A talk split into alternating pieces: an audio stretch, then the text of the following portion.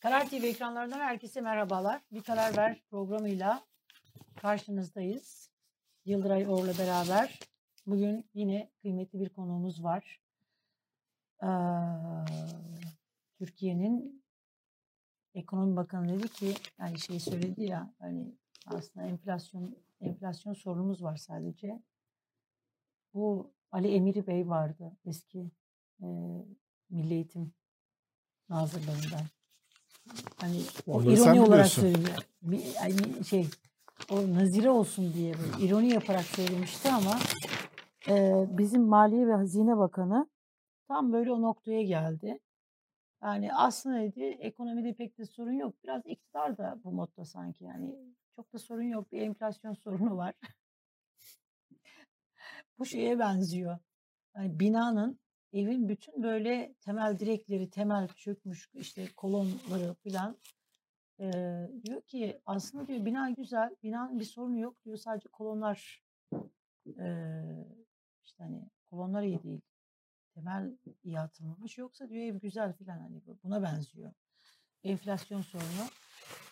İktidar bu enflasyon sorununu toparlayabilir mi? Düzeltebilir mi? Çünkü sürekli bir e, her her böyle şeyde açıklamalarında bir tarih veriyorlar. Şu gün enflasyon düşecek, bugün şey yapacağız. Erdoğan da en son "Ay, ekonomiyi toparlıyoruz e, falan dedi. E, bunları e, Deva Partisi Ekonomi ve Finans Politikaları Başkanı İbrahim Çanakçı'yla konuşacağız ekonomi toparlanabilir mi? Artık hani öyle bir döneme gelindi ki Erdoğan e, öğrencilerin eve gitme parasını biz vereceğiz dedi. Demek ki bir sorun var yani öğrenciler eve gidecek paralarını para bulamıyorlar. Hı hı. Yani bunları bir konuşalım. Yoksulluk ne durumda? İbrahim Çanakçı'yla e, konuşacağız. Mehmet Ali Çelebi'nin CHP'ye geçmesiyle alakalı e, Kemal oldu? Kılıçdaroğlu'ndan ilk yorum geldi. Bu kadar Hı. da savrulma olmaz ki demiş. Evet. Bunu söylemeye hakkı var herhalde. Var tabii ki. Nikah şahidi olarak. Evet. Zaten İsmail Saymaz e, konuştu. İsmail Saymaz gayet güzel gazetecilik yapıyor ya şeyde. İyi bir Amerika, gazeteci iyi bir gazeteci İsmail Saymaz. E, kaç tane röportaj yaptı. Yani Evet. peş peşe röportajlar yapıyor, peş peşe böyle şeyler yapıyor. Habercilik yapıyor çok ciddi bir şekilde. Eee, Kemal Kılıçdaroğlu'na sormuş İsmail Saymaz. Eee Büyükelçi olarak atanan eski Türkiye Barolar Birliği Başkanı Metin Feyzioğlu ile Çelebi'nin cezaevinde nikah şahidi olduğunu hatırlattım diyor. Güldü. Çelebi'nin tahliye olduktan sonra düğüne katıldığını, ailesini ta- tanıdığını söyledi. Cezaevi sürecinde e, sürecinin Çelebi'nin ruh dünyasında etkiler bırakmış olabileceğini anlattı. Hı hı. Bu bana birisini daha hatırlatıyor.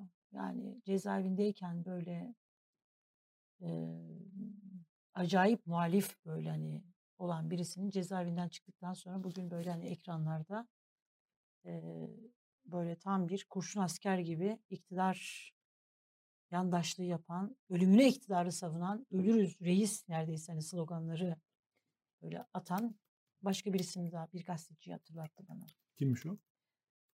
Pek yok ya. Yani çok Ee, üstüme gelirsen söyleyeceğim gelme lütfen.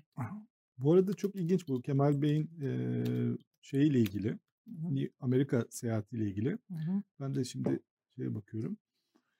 Ee, böyle bir şey var. Buna şimdi bir gizem katmak lazım tabii. Amerika'ya gitti, icazet aldı ya da orada gizemli görüşmeler yaptı falan diye. Tabii beklenen oldu. Ee, bir paslaşma şeklinde oldu. Ee, böyle ulusalcı bir gazeteci arkadaş Kemal Bey'in Amerika'da 8 saat e, Kayboldu. kaybolduğunu yazdı. E, bu tabii bu fırsatı e, bu yine bir pas yani ulusalcılarla biliyorsun iktidar çevreleri arasında bir paslaşma oluyor. Onlar böyle pas atıyorlar. Kartlar yeniden böyle şey yaptı ve acayip bir birliktelik var Evet aslında. mesela. Osman Kavala davası da böyle başladı. Çok az insan bundan bahsediyor ama Osman Kavala davasının üzerine kurulduğu o Büyükada'daki işte 15 Temmuz gecesi darbecilerin toplandığı, Granfuller'in olduğu Henry Barkey darbe toplantısı diye anlatılan bir hikaye. Tamamen içi bomboş olan bir hikaye üzerine Osman Kavala suçlanıyor biliyorsun. İşte sonra lokantada karşılaşarak o toplantıya e, eklendi. Onu mesela Sözcü gazetesinde bir yazar başlattı. Hmm. İlk bunu yazan işte böyle gizemli toplantı diye yazan. Sonra o onu iktidar medyası aldı. İşte o CIA ajanları buradaya çevirdi. Sonra o iddianameye dönüştü. Ve bu yüzden Osman Kavala o 5 yıldır içeride. Şimdi Kılıçdaroğlu'nun e, Amerika gezisiyle ilgili de e, yine bir ulusalcı bir arkadaş Amerika'da yaşayan 8 saat kayıp diye bir şey yazdı. Akit gazetesinde bugün Her yerde mü? var. Ha- Hatta her e, yerde. Mahmut Övür e, bunun üzerine e, FETÖ imamıyla görüştüğünü bu 8 saatte yazdı. Mahmut Övür Şerif Ali Tekalan, e, ABD imamı Firari Şerif Ali Tekalan'la görüştüğünü. Bu görüşmede neler konuşulduğuya kadar gelmiş yani. yani FETÖ imamıyla ne görüştü diye yazıyor.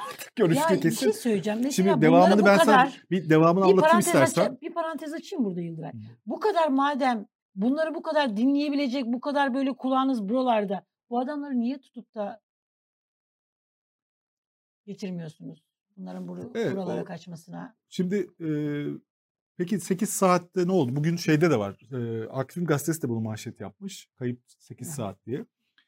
E, ama yine İsmail Saymaz e, bunun anlattığı Halk TV'de. E, normalde programda Boston ve Washington var. New York yok programda. Boston'da bir takım görüşmeler yaptı e. Kılıçdaroğlu. Sonra Washington'a geçecekti. E, fakat diyor bu aşamada Kemal Bey'in Boston'da diyor uçağa bindik. Bu aşamada Kemal Bey'in bizimle gelmeyeceği bize bildirince nereye gitti, neden gelmedi diye düşündüm. Acaba bir görüşme mi oldu diye. Fakat hep beraber uçağa bindik. Bir saatlik yolculuktan sonra Washington'a varmak üzereyken e, bize birazdan Kemal Bey'in Twitter paylaşımı olacak diye haber verildi. Dakikalar sonra Kemal Bey'in New York'ta olduğunu öğrendik. Kendisi öğrendiğimiz kadarıyla karayoluyla New York'a geçti. Türken Vakfı'nın ünlü yurdun önünde e, duran o pozu hani işte dün biz burada da gösterdik ya işte orada Türken Vakfı'nın yaptırdığı yurdun önünde e, binanın önünde bir gökdelen o e, açıklamayı yaptı.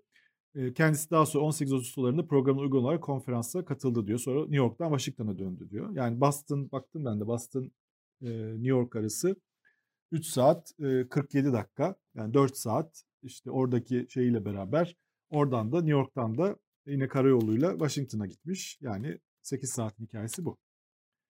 E, zaten tweet de atmış. Tweet şeyi de var ama arkadaşlar bunun e, şeyine başlamışlar. Bunu bir gizemli e, şeye çevirmeye alışmışlar.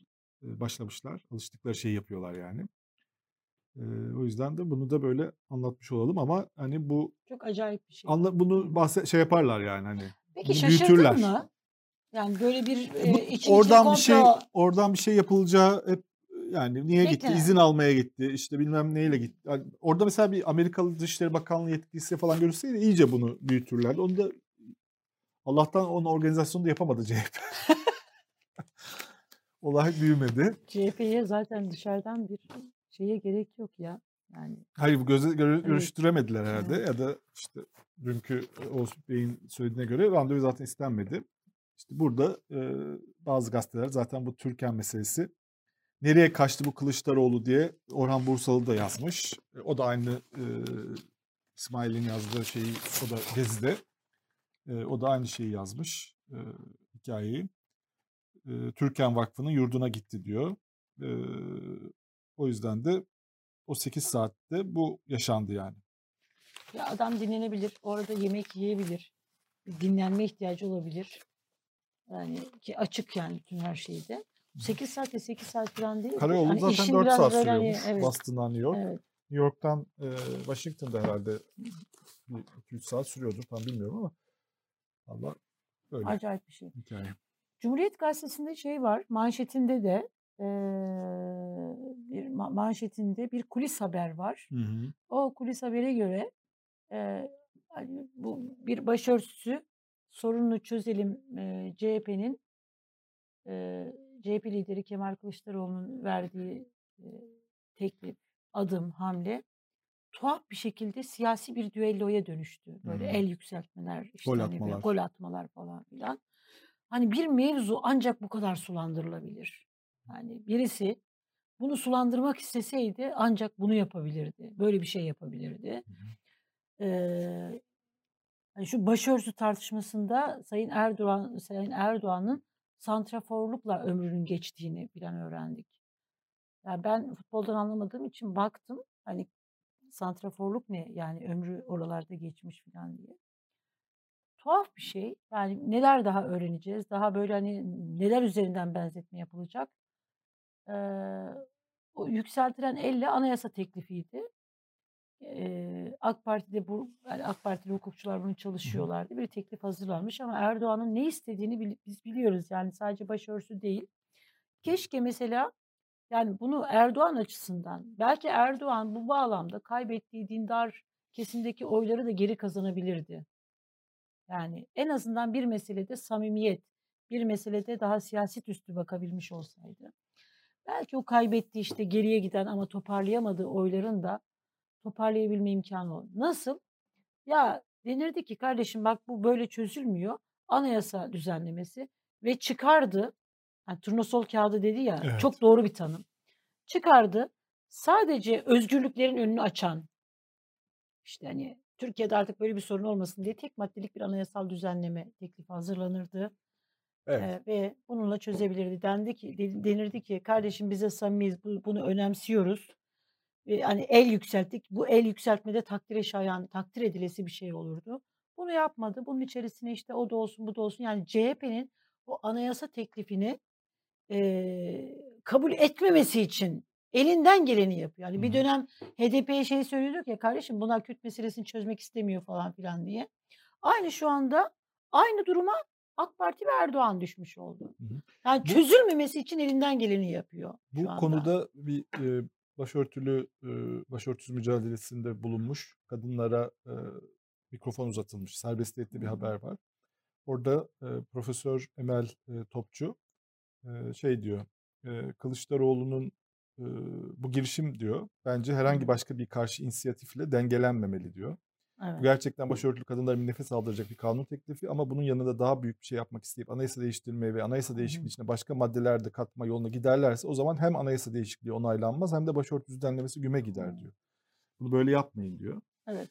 E, bu e, bayağı bu konuda araştırmalar yapan bir isim. Yine Kadem'den e, bir isim Nursen Keskin Aksay Kadem Yönetim Kurulu üyesi. O da hükümetin teklifi kadının toplumdaki yerini bütünsel olarak güçlendirmek üzerine olmalı diyor. Yani Hı hı.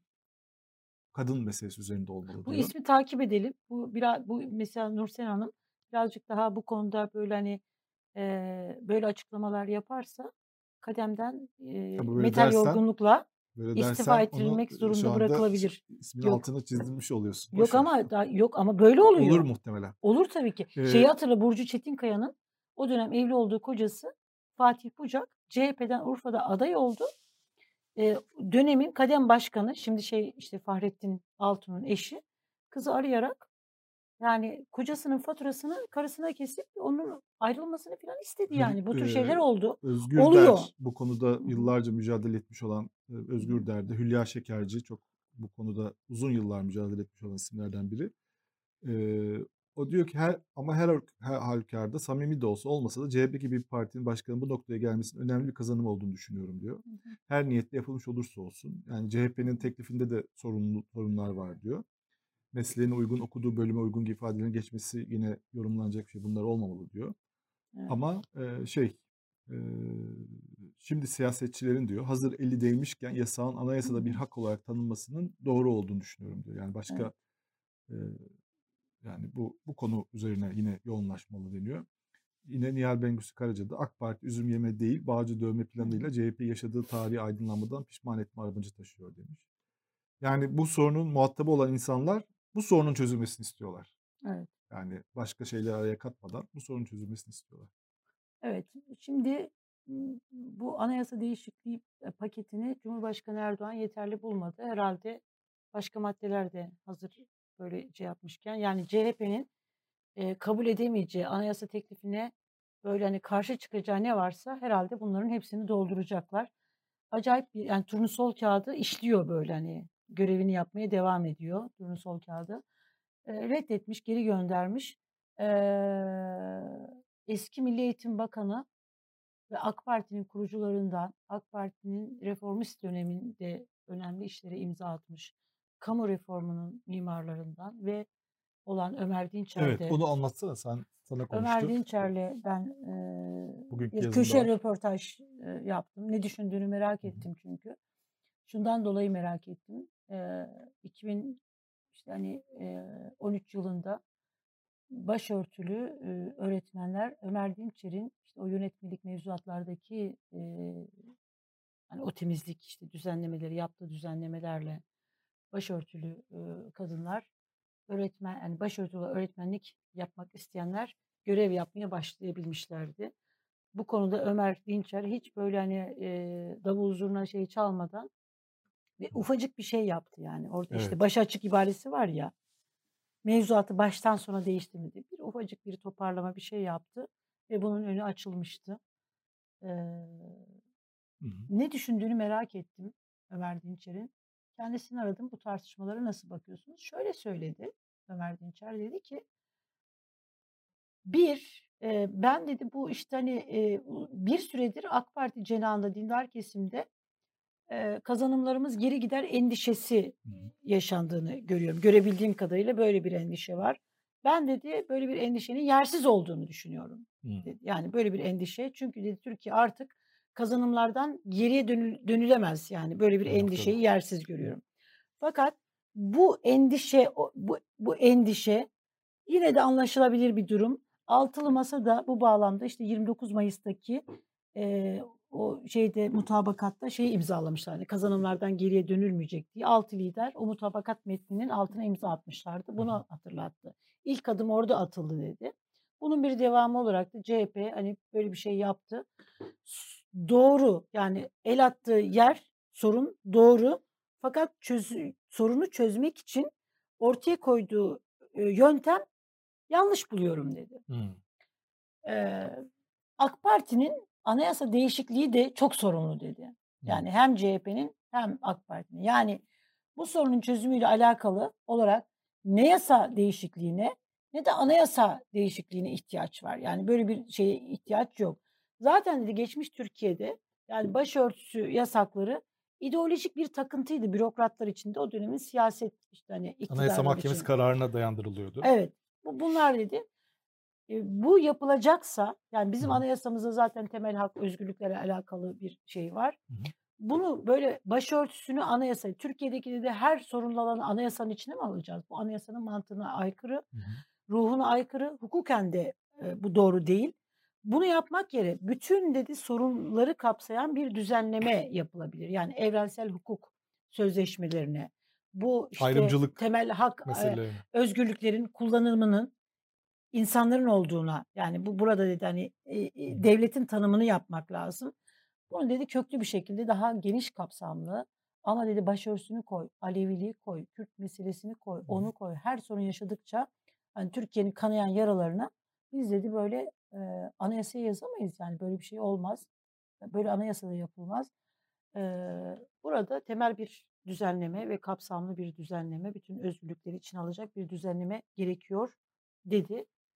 Eee, kendisinin bu bağlamda endişe duymadığını, buna örnek olarak da şey söyledi. Yani bir dönemde dedi, hatırlarsanız biz kamu reformu işte hani o şeyi adımları atarken dedi, Çok radik. Türkiye'de kızılca kıyametler koptu. Cumhuriyet Gazetesi'nin manşetlerini hatırlattı Evet. eee, Sayın Dinçer. Dedi ki işte laik kesimde laiklik elden gidecek, işte çağdaş yaşam, laiklik elden gidiyor endişesi ve o dönemin endişelileri vardı. Böyle Belediyeler Milli Eğitim müfredatına evet, karışacak. evet. İşte Bir sürü dedi böyle oradan o yerel yönetimler Ne şeyini oldu dedi. iptal ettiler. Evet, ne oldu dedi. Bu endişelerinde o kesim haklı çıktı mı? Laik seküler kesim haklı çıktı mı? Çıkmadı. Oldu mu hani Türkiye Keşke o hani bir yerel yönetimler reformu Evet, olsaydı. olsaydı. Bu kadar Bu güçlü bir olmadı. merkezi otorite Dolayısıyla dedi olmazdı. bu endişeler yer değiştirdi. Türkiye'de hangi, herhangi bir iktidar değişiminde geriye dönüş olmaz. Ama böyle bir şey olacaksa muhalefette, iktidarda samimi bir şekilde daha kapsamlı ama hani başörtüsü, Alevilik işte falan değil. Bu sorunu kökten çözmeli. Kamu idaresinin de görevi Bir budur. de Kılıçdaroğlu'nun bu çözüme yönelik yaptıkları ile ilgili de bir şeyler anlatıyordu galiba. Sana mı anlattı onları? O Ömer Dinçer değil. O YÖK Başkanı, Ha, eski YÖK evet. Başkanı Yus- Yusuf Ziya evet, Özcan. Özcan.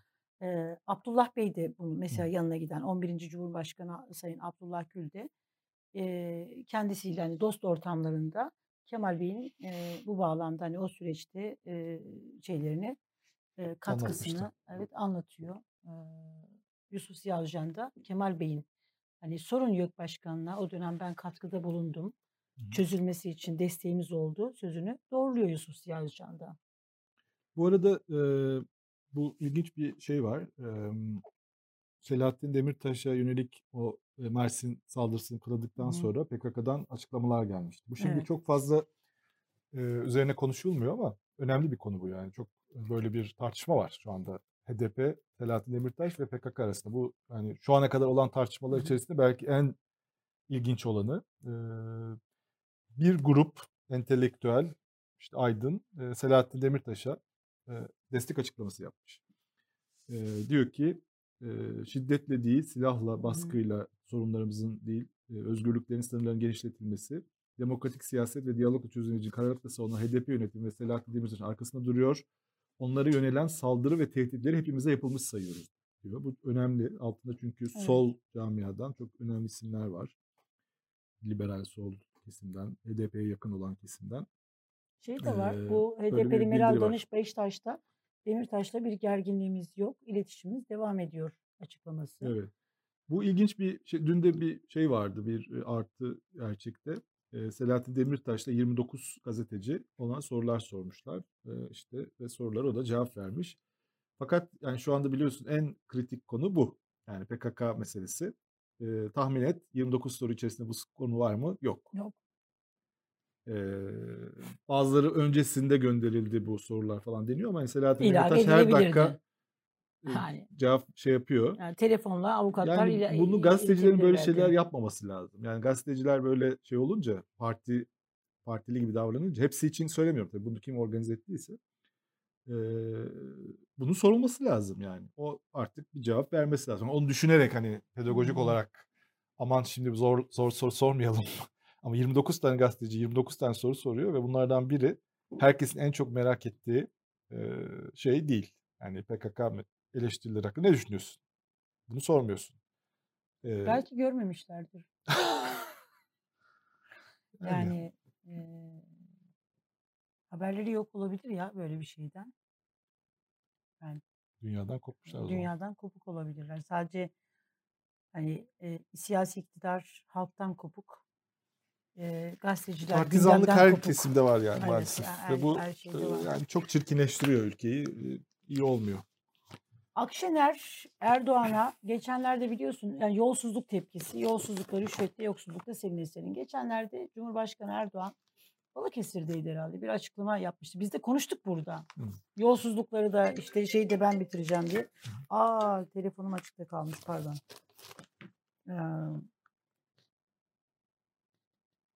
Ee, şey söylemişti. Yani bu yolsuzlukları, yoksulluğu da biz bitireceğiz e, demişti. Böyle bir muhalefet parti lideri gibi konuşmuştu. Meral Akşener de dün partisinin grup toplantısında bu şey senin eserin demiş. Ne? böyle bir seslenmesi yani yolsuzlukla, eee yolsuzlukta, rüşvette, yoksullukta Hı. senin eserin demiş. Eee, Meral Hanım da şeyi unutmuş ya. Eee, Sayın Erdoğan mesela hani 3 Y vardı. Hı. Yolsuzluk, yoksulluk bir de yasaklar. Hı. Biliyorsun o konuşmasında Erdoğan yasakları gündeme getirmemişti. Hı hı. Unutmuştu. Unuttu ya da gündeminden düştü ya da 3Y 2Y'ye indi. Akif Beki de bunu yazmıştı belki hani yolda düşmüş olabilir filan diye. Eee, Meral Akşener'in de aklına gelmemiş yasaklar. Peki Meral Hanım konuşmasında şeyden bahsetti mi? Kılıçdaroğlu'nun başörtüsü Başörtüsü hamlesinden yok. Onu Sözcüden sonra bir daha herhalde bunu gö görmezden geliyor herhalde o görmezden gelmeye devam ediyor Meral. Akşener. Bu arada çok ilginç bir şey var. Konuşma. Biraz tuhaf yani. İbrahim Ne? Kalın, Ha. Cumhurbaşkanlığı Sözcüsü İbrahim Kalın bir Kanal 24'te bir programda konuşmuş. A! E, Ne ne konuşmuş? niye Kanal 24 çıkması Yok normal ka mi? kanal o konser veriyor ya devamlı hani şarkı söylüyor, türkü söylüyor, bağlama çalıyor. Yani e, bu tür böyle hani Yok. gündeme dair mi yoksa Tabii hayat tabii. hikayesi falan mı? Yok yok. Gündeme dair mi evet evet konuşmuş? tabii. Fırsat bulabilmiş yani. Çok Ee, enteresan. Şöyle bir açıklaması var. Bayağı da tepki alıyor bu açıklama şu anda. E, diyor ki 1991'de yeni dünya düzeni diye kurulan şey ne yeniydi ne küreseldi ne de düzendi. Şimdi Rusya farklı bir çağrıda bulunuyor. Hı hı. Eşitlikçi, adalete dayalı bir düzen kuralım diyor demiş. yani gerçek Şarkı söylemeye devam et İbrahim Kalın sen. ya gerçekten bu kadar Gerçekten. Rusya Bir gerçekten yanında Yavuz Bingöl, bir adalete yanında İsmail Altunsaray.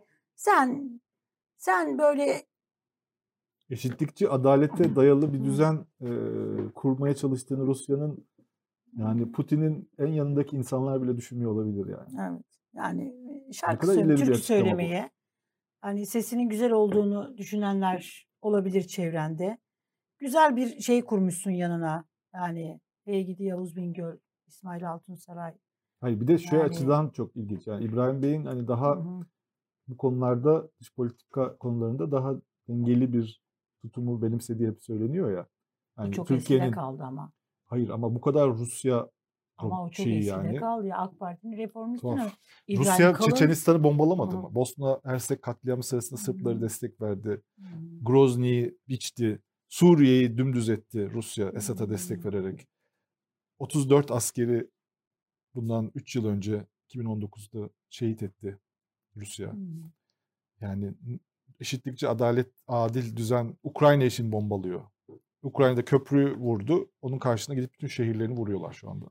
Bu mu eşitlikçi adil düzen? Yani hani Batı karşıtı Hı. olacağım diye Rusçu mu olacağız yani? Tuhaf gerçekten. Tuhaf da yani işte hani şey e, o eskide ya eski eski İbrahim Kalın. Şimdi herkesin bir eskisi var bir yenisi var. Önceden hani kıyafetlerin eskisi yenisi şeyi olurdu. Şimdi bu arkadaşlar da eski yeni şey yani çok e, değil yani. Deva Partisi e, Ali Babacan intihar eden polislerle ilgili Beştepe'ye seslendi. Bu çok anlamlı. Ömer Faruk Gergerlioğlu bahsetmişti biliyorsun. Polis intiharları var. Eee, bu, bu haberlerde medyada çok böyle görünmüyor. İktidar medyası bunları görmüyor. Onlar böyle hani Truman Show böyle e, filmi gibi bir böyle hani Türkiye'yi bir sete çevirmeye başladılar. Başka bir şey yaptılar. Eee, Ali Babacan'ın bu hani bu polisler neden intihar ediyor, neden canlarına kıyıyorlar sorusu İnşallah Beştepe'den yanıt bulur. Çünkü dün de bir polis intihar kay, kaymakamlığının önünde Hmm, bir e, polis yine intihar girişiminde bulundu. Evet. Son herhalde bu hafta 5 polis intiharı var. Öyle mi? O kadar evet, oldu mu O kadar var. Ee, ciddi bir sorun. Ee, ve bunlar böyle hani sebebi bilinmeyen şeyler de değil. Arkalarında mektuplar şeyler bırakarak e, intihar ediyorlar. Medya görmüyor ama yani medyada haber olmaması, iktidar medyasının haber yapmaması bu gerçeğin yani bu, bu şeyi yok saymıyor, üstünü örtmüyor o hakikatin. Dolayısıyla bu önemli. Ee, ORC'nin anketine göre Cumhur İttifakı Millet İttifakı'nın 7 puan gerisinde düşmüş. Artık Hmm. hani şey e, anketlerde e, şey olmuyor. Hani iktidar bir sürü hamlelerde bulunuyor ama e, bunlar çok fazla karşılık bulmuyor herhalde. Bütün böyle iktidara yakın anket şirketleri de iktidar karşıtı anket şirketlerinde de Erdoğan artık hani karşısındaki adayın gerisinde Cumhurbaşkanı adayı kim olursa olsun hani şey değil böyle gerisine düşüyor. AK Parti oy kaybetmeye, e, Bugün Cumhur İttifakı oy kaybetmeye Sözcü devam ediyor. gazetesinde ilginç bir haber var. Hı hı. Sözcü gazetesinin bir muhabirinin e, evine polis e, baskın yapmış ama e, yani Saime Başçı'nın e, hem de gece bir canlı bomba ihbarı gerekçe gösterilerek yapılmış. E, Saime Hanım o sırada Adana'daymış bir haberle ilgili. E, işte bir ihbar aldı. Kimse açmayınca da girmek zorunda kaldık demişler. Sonra da e, ne olmuş? E, bayağı evini de darmadağın etmişler. Kapısı kırılmış. E, e-maille bir şey. E-maille bir ihbar. E, maille ihbar üzerine ev basmak da çok acayip gerçekten. Yani mesela birisini sevmediğin bir adamla ilgili evinde bomba yapıyor diye mail atacaksın polise. O da gel- onu gidecek yani polis evini şey yapacak, E basacak. Bunu şey yapmıyor? Böyle Feth- Fethullahçılar yapmıyor muydu ya? E, Vallahi- polise diyelim ki kendileri ihbar böyle emniyetin arkasından ihbar telefonları ya da işte bir şeyler atıp mailler atıp uyduruk maillerle ondan sonra da bu bu şeyleri de tekrar masalarına dönüp bu ihbarı kabul edip ondan sonra operasyonlar yapmıyorlar mıydı? Çok acayip bir şey. Konumuzu alalım mı Yıldıray? Tabii alalım. Ee, Deva Partisi Ekonomi ve Finans Politikaları Başkanı İbrahim Çanakçı e, bizlerle birlikte. E, kendisini ağırlayacağız. Son 8 ayda 1,5 milyon insan kredi kartı borcunu ödeyememiş. E, konuta ulaşım yine iki kat artmış. E, hoş geldiniz İbrahim Bey. Elif Hanım teşekkür ederim. Nasılsınız? Teşekkür ederim. İyiyiz, yoğunuz. Ankara'dan programımız için geldiniz. Çok teşekkür ediyoruz. Ben teşekkür ederim. Davetiniz için. Ee, ne diyorsunuz? İktidar böyle daha seçimlere 8 ay var. Ee, 8 ay öncesinden kesenin ağzını açtı. Evet. Ee, bunu nasıl yorumlamak lazım? Evet. Yani Devlet bu kadar devletimiz zengin o zaman kaynakta falan sorun yok gibi gözüküyor. şimdi e, tabii gerçek kaynaklara dayanmıyor iktidar. Hani şimdi şöyle bir bakarsak Elif Hanım bu iktidarın bugüne kadar nasıl getirdiğine bir bakarsak Evet, önce mevcutları tükettiler. Yani mevcut imkanların evet. hepsini tükettiler. Neydi mevcut imkanlarımız? Mesela Merkez Bankamızın rezervleri vardı. Rezervleri ne yaptılar? Çarçur ettiler, heba ettiler.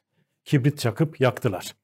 Hep hatırımızda ne kaldı? 130 milyar dolar kaldı değil mi? evet. 130 milyar dolar nerede veya 128 milyar dolar nerede kalmıştı? Şimdi bakın geçen senenin Aralık ayından bugüne kadar o arka kapı satışları ilave 118 milyar dolar oldu.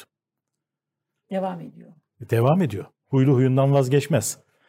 118 milyar dolar daha sattılar. Toplamda biz şimdi 248 milyar dolar nerede diye soruyoruz. Peki bir şey sormak istiyorum. Şimdi Hı. burada şöyle bir şey var.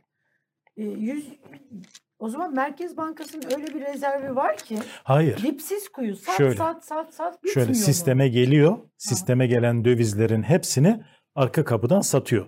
Şimdi mesela Nereden ne yaptılar? sisteme? Kur korumalı mevduattan mesela ciddi anlamda döviz girişi oldu değil mi Merkez Bankası'na? Evet. Zorunlu döviz devirleri getirdiler şeylere, şirketlere, ihracat dövizlerini. Şimdi onların normalde ne olması lazım? Merkez Bankası'nın rezervini, eksi olan rezervini artıya geçirmesi lazımdı. Ama bakın geçen senenin Aralık ayından bugüne kadar yani bu saydığım kalemlerden ciddi döviz girişi olmasına rağmen Merkez Bankası'nın net rezervleri artmadı. Yine net rezervler eksi 62 milyar dolar civarında. Demek ki ne oluyor? O gelen dövizleri arka kapıdan satıyor. Niye satıyoruz biz bu rezervleri? Şimdi kendince kuru korumaya e, Ama ve kuru 18'in üstüne çıktı işte 19'a doğru geldi. onu da beceremiyor. Yani kendince kuru e, tutmaya çalışıyor. Fakat onu da tutamıyor. Şimdi şeyden geldik. Kaynak var mı yok mudan geldik. Önce mevcutları tükettiler. Rezerv bunlardan bir tanesiydi. Yıllarca birikmiş olan ihtiyat akçeleri vardı Merkez Bankası'nın bilançosunda. Onu da tükettiler. Sonra ikinci kalemle bazı şeyleri halının altına süpürüyorlar şimdi Evet. halının altına süpürüyorlar. Yani kitlerde halının altına süpürüyorlar. Kamu bankalarında halının altına süpürüyorlar. Şimdi üçüncüsü ne? Üçüncü kaynak diye gördükleri şey ne biliyor musunuz Elif Hanım? Evet. Üçüncü kaynak diye gördükleri şey geleceğimizi ipotek altına almak. Şu anda da geleceğimizi ipotek altına alıyorlar. Yani bu atmış oldukları adımlar, almış oldukları kararlarla geleceğimizi ipotek altına alıyorlar. Şimdi siz seçim ekonomisi dediniz de şimdi bir taraftan çıkıyor e, Sayın Bakan diyor ki biz diyor mali disipline uyuyoruz diyor. 33 milyar e, bütçe fazlası verdik Ocak Ağustos'ta. E, sene sonu için bütçe açığını 460 milyar tahmin ediyoruz Evet. diyor ama aynı anda. Bu demek ki kalan 4 ayda 500 milyar açık vereceksin. Yani iki anlama gelir. Ya hesap bilmiyorsun. Evet. Yani 33 milyar fazla verdiysen Hı hı. e, yılın tamamında da 460 milyar açık vereceksen ya 500 milyar açık vereceksin. Eğer vermeyeceksen hesap bilmiyorsun demektir. Ama şunu söyleyeyim. Yani ne yaparlarsa yapsınlar, hangi adımları atarlarsa atsınlar bu seçimi kazanma imkanları, ihtimalleri yok. Biz sahadayız. Sürekli e, vatandaşla temas halindeyiz. Dolayısıyla yaptıkları sadece e, sadece dediğim gibi geleceği ipotek altına almak, Türkiye'yi ağır yüklerle karşı karşıya bırakmak. Ee, şöyle deniyor yani e, bir takım Rusya'dan özellikle e, bir kaynak. Geldi. Bu yabancı basında da ya- yazıldı. Hı E, Cumhurbaşkanı da zaten e, Putin'le olan görüşmesinden sonra bunu birkaç defa söyledi. E, Rusya'dan 20 milyar dolarlık bir kaynağın geldiği, başka ülkelerden de işte swap anlaşmalarıyla Hı hı. belli kaynakların bulunduğu ve iktidarın seçime kadar bu operasyonlarını yapacak, işte dövizi tutacak, işte bu tarz popülizm faaliyetlerini yapabilecek bir kaynağa kavuştuğu ve seçimi böyle kotarabileceği söyleniyor. Siz ne düşünüyorsunuz? Yani şimdi e, işte baktığınız zaman e, dediğim gibi e, şimdi Merkez Bankası'nın rezervlerine baktığınız zaman orada bir değişiklik yok, bir iyileşme yok. Hani gelen kaynakları satıyorlar. Bir Rusya'dan bu Akkuyu nükleer santrali ile ilgili bir 7 milyar dolar civarında bir e, rakam gelmişti. O 7 verilere- milyar mı geldi oradan? 20 7 milyar, milyar, deniyordu. dolar civarında bir rakam e, geldi ve o e, Merkez Bankası brüt rezervlerine geldiği haftada yansıdı. Ama şöyle Yıldıray Bey, şimdi kova delik. Yani ne kadar su koyarsanız koyun. Yani e, ve ihtiyaç da büyük. Şimdi cari işlemler e, açığı artmaya devam ediyor. Sermaye girişi yok. Yani şimdi hatırlayın e, Elif Hanım, e, Yıldıray Bey, yani geçen sene başladıklarında ne dediler? Biz işte Türk lirasının e, işte değer kaybetmesine izin vereceğiz. Rekabetçi kur e, sayesinde cari fazla vereceğiz dediler değil mi? Evet. İddia oydu. Hatta Sayın Cumhurbaşkanı ne dedi o açıklamalarına? Yakında cari fazla göreceğimiz günler yakın dedi. Hı hı. Değil mi? Hatırlayın o manşetleri. E ne oldu? Bir yıl geçti üzerinden. Paramız pul oldu ama işte cari açık ve dış ticaret açığı tarihi rekor düzeyde. Türkiye'ye sermaye girişi var mı? Yani gerçek sermaye girişi var mı? Yani yatırımlara gelen, fabrika yatırımlarına gelen sermaye girişi var mı? Yok. Portföy yatırımlarına gelen sermaye girişi var mı? Yok. Tam tersine gayrimenkulü hariç tuttuğunuzda Türkiye'den net sermaye çıkışı var. Peki gayrimenkule gelen özellikle bu Ruslar çok geliyor ve burada ev alıyorlar. Ama onlar da yetmez işte mi? O yetmiyor. Yani işte gayrimenkulde de diye baktığınız zaman da o yani en fazla 4-5 milyar doları geçmiyor yani. Hmm. O o kadar büyük rakamlar değil. Bakın şimdi 100 milyar doların üzerinde bir dış ticaret açığından bahsediyoruz. 50 milyar doları aşan bir e, şeyden bahsediyoruz. E, e, cari işlemler açığından bahsediyoruz ve Türkiye'nin yaklaşık yani 190 milyar dolara yakın bir yıl içerisinde çevirmesi gereken borçtan bahsediyoruz. Yani o da cari açığı da eklerseniz 240-250 milyar dolarlara kadar giden bir şey var. Bunu böyle 5 milyar dolar, 10 milyar dolar bir yerlerden şey yaparak sağlayamazsınız. Ha, bu ne oluyor? Sonunda sonunda bir şekilde dönüyor, bir şekilde finanse ediliyor. İşte kaynağı belirsiz e, dediğimiz net hata noksan diye e, tabir ettiğimiz kalemlerle finanse ediliyor. Mesela bu yılın ilk 8 ayında cari açık yaklaşık 40 milyar, 28 milyar doların üzerinde kaynağı belirsiz kayna para girişi var. Nasıl, nereden geliyor? Yani işte bunların Mesela devlet devlet yönetiminde olur mu böyle kaynağı Şimdi net belirsiz? hata noksan Elif Hanım e, ödemeler dengesinde hani net hata noksan halkımızın anlayacağı tabirle kaynağı belirsiz para diyelim. Bunlar tabii ki ödemeler dengesinde olur. Ama bu böyle yıllar itibariyle baktığınız zaman sıfırın etrafında dalgalanır. Yani bu nereden kaynaklanır? Kayıt sisteminden kaynaklanır. Kayıtların zamanlamasının farklı olmasından kaynaklanır. Bazı işlemlerin mesela eskiden diyelim ki işte bavul ticareti vardı. O nedenle veya sınır turizmi vardı. O nedenle e, bu bu tür kalemler olur. Ama bunlar böyle zaman içerisinde sonradan düzeltilir ve sıfırın etrafında bazen giriş olur, bazen çıkış olur. Sıfırın etrafında dalgalanır. Ama baktığınız zaman özellikle bu yıl ve son 10 yılda korkunç bir kayıt dışı, e, kayıt dışı demeyelim de kaynağı belirsiz diyelim.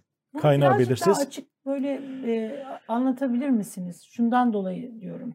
Şimdi öyle görünüyor ki birileri birileri Yani dış güçler ya da dış, dış dost güçler diyeyim. Yardım eli uzatıyor ve burayı besliyor. Onu İktidarı Sayın Cumhurbaşkanı zor- söyledi zaten. Dedi ki dostlarımız sayesinde dedi. Evet söyledi. e, dostlarımız sayesinde Merkez Bankası'nın Rezervini. rezervini güçlendiriyoruz dedi. O tabii swaplara atıfta e, bulunuyordu. O swaplar tabii Merkez Bankası'nın yapmış olduğu swap anlaşmalarını biz takip edebiliyoruz. Ama burada bahsettiğimiz tabii takip edemediğimiz bir giriş var ve çok yüklü miktarda e, girişler var. Bu dediğim gibi yani birçoğu mesela varlık barışları nedeniyle e, yurt dışından getirilen paralar olabiliyor. İşte bu kur korumalı mevduattan e, girişler var. E, tabii ki özellikle bu ihracatta zorunlu devirler getirilince ihracatın belki düşük kaydedilmesi gibi bir takım e, durumlar da söz konusu olabilir. Yani çok sebepleri var. Bunun teknik sebeplerine girmemize, e, çok ayrıntılarına girmemize gerek yok. Burada bizim altını çizmemiz gereken şey Türkiye'yi cari işlemler açığını patlatmıştır bu iktidar ve cari açığın finansmanını da kaynağı belirsiz, sağlam olmayan kalemlerle finanse ediyor. Bu çok kırılgan bir yapı. Peki geçmişte bunu bu bugün karşı karşıya olduğumuz tablonun geçmişte bir örneği var mı? Hani şu dönemde de işte Yok, bu kadar bu kadar büyük e, bir e, şey kaynağı belirsiz e, şey kalem e, Ya da ve cari döviz açığın döviz işte girişi yok. 90'lı yıllarda cari açık bu kadardı ya da işte e, Merkez cari Bankası'nın 2012 rezervi Tabii ki şu kadar düşmüştü. Yani yok Türkiye o bu böyle dönemleri atlattı. Ee, hani tarihte örnekleri var. Hayır hayır Merkez Bankası rezervlerinin eksiye düşmesi 2020'den sonra karşı karşıya kaldığımız bir tablo. 2020'den önce Merkez şey yok. Bankası'nın net döviz pozisyonunun eksi olduğu bir e, durum söz konusu Bütün Cumhuriyet tarihi Değil. boyunca yok. Değil. de- yok. değil. Yani net Hı. döviz pozisyonunun eksi olduğu bir tabloyla karşı karşıya değiliz. Ama e, 2020 özellikle e, Şubat ayından itibaren eksiye düştü. Onun da öncesine giderseniz işte bu e, arka kapı satışları onlar da 2019-18'in sonunda başladı. Hatırlayın yani Hı. Akraba Bakan'ın e, başlattığı bir Bakan. e, bir e, süreç. Sadece e, yerel seçimleri kazanmak için de yoğun olarak kullanılan bir e, süreçti. Yani e, özetle e, aslında biraz daha da genişletirsek şimdi Sayın Cumhurbaşkanı ekonomi yönetimi işte sürekli çıkıyor. Yeni ekonomi modeli diyor ve bu yeni ekonomi modelinin sanki bütün hedeflerine ulaşılmış da ulaşılmayan bir tek hedef e, şey kalmış gibi, enflasyon kalmış gibi. İşte onu da düşüreceğiz diye Ekonomi zaten yani ek- ekonominin iyi olup olmadığı enflasyona bağlı değil midir? ona bağlı ama sanki o tek sorunmuş gibi anlatıyor ama bunu şuna bağlamak istiyorum. Şimdi bütün o sözde biz ona sözde yeni model diyoruz. O sözde yeni modelin bütün parametreleri çöktü. İşte bir önemli parametresi neydi? Onu konuştuğumuz için söylüyorum bunu. Cari işlemler fazlası verilecekti. İşte çöktü. Çöktü. Yani o istihdam, büyüme diğerlerinde konuşuruz. Enflasyonla ilgili fakat şöyle bir şey var, takvim var. Hı hı. E, enflasyonun Ocak ayından itibaren e, düşeceği e, Doğru. söyleniyor. Burada da bir baz etkisi denen e, bir matematiksel bir e, gerçeklik var. Bunu biraz anlatabilir misiniz? Tabii. Buna güveniliyor çünkü. Tabii, doğru. Şimdi şöyle Yıldıray Bey, e, geçen sene Aralık ayında aylık enflasyon %13 oldu. O kurun patlamasının yansıması olarak. Ocak ayında da %11 civarında bir aylık enflasyon. Bunlar aylık. Aylık. Bakın yani yıllık falan değil. Aylık. Avrupa ülkelerinin yıllık enflasyonu. Yıllık enflasyonun birkaç katı diyelim yani e, şey. Şimdi e, hükümet neye güveniyor? Diyor ki işte şimdi şu anda enflasyon ne kadar? Yüzde 83,5 makyajlı TÜİK rakamlarına göre. Ona makyajlı TÜİK rakamlarına göre olduğunun altını çizmek lazım. Hı E, çünkü e, İTO yüzde 107 diyor, ENAK yüzde 186 diyor. Şimdi hükümet neye güveniyor? Şimdi Aralık ayına geldiğimizde bu yüzde 13 aylık geçen, Geçen seneki senenin. endeksten çıkacak. Hmm. Onun yerine ne girecek? Mesela diyelim ki %7. yüzde beş girecek. Beş. Daha şey olalım, daha iyimser olalım. Şimdi ne olacak? Otomatikman yaklaşık 8 puana yakın bir düşüş olacak değil mi? Hı hı. Yani şimdi enflasyon Kasım ayına geldiğimizde muhtemelen yüzde 88, yüzde 90 civarına çıkacak. O şu anda 83,5 olan. O Aralık ayında ne olacak? 8 puan aşağıya inecek. Oradan bir sanki bir düşüş olmuş gibi. 80'lere doğru Düşecek. düşmüş Sonra olacak. Ocak ayında yine Sonra düşecek. Ocak ayında da diyelim ki işte hani yüzde e, 8 puan da oradan düşsün. Yüzde 3 geldi diyelim. Çünkü orada da %11'di. 11'di. O da düşecek. 8 puan da oradan düşsün. Diyelim ki %70 civarına 75 70 75 aralığında bir yere düşecek. Şimdi bunu daha sonraki şeyde de Şubat, Mart, Nisan'da da kendi şeyleri, umutları diyelim ki e, şeyleri, tesellileri işte e, devam edecek bu baz etkisi ve enflasyon aşağıya doğru gidecek. Şimdi bunu sanki böyle bir enflasyonda kendi çabalarıyla, kendi izledikleri politikalar sonucunda bir iyileşme varmış gibi sunmaya çalışıyorlar. Bu bir, yanlış. İki, sanki fiyatlar da düşecekmiş gibi, hayat pahalılığı azalacakmış gibi, alım gücündeki erime duracakmış gibi anlatıyorlar. Halbuki %70 Şimdi- artıyor yine. %70, Şimdi gene 80 artıyor. %70. Yani şimdi siz e, mesela diyelim ki Oca Aralık ayında, Ocak ayında yıllık enflasyon bu baz etkisi nedeniyle düşse bile bizim almış olduğumuz ürünlerin fiyatı düşmeyecek ki. 10 puan düşmeyecek. Ek- ekmek hi- hiç düşmeyecek. Hiç düşmeyecek. Artacak Tam hatta. tersine artacak. Bakın yani ekmeğin fiyatı e, düşmeyecek, yağın, unun, şekerin fiyatı düşmeyecek. Yani elektriğin, doğalgazın fiyatı düşmeyecek. Burada bir bilerek yanıltma söz konusu. Sanki böyle e, bu fiyatlar da düşecekmiş gibi anlatıyorlar.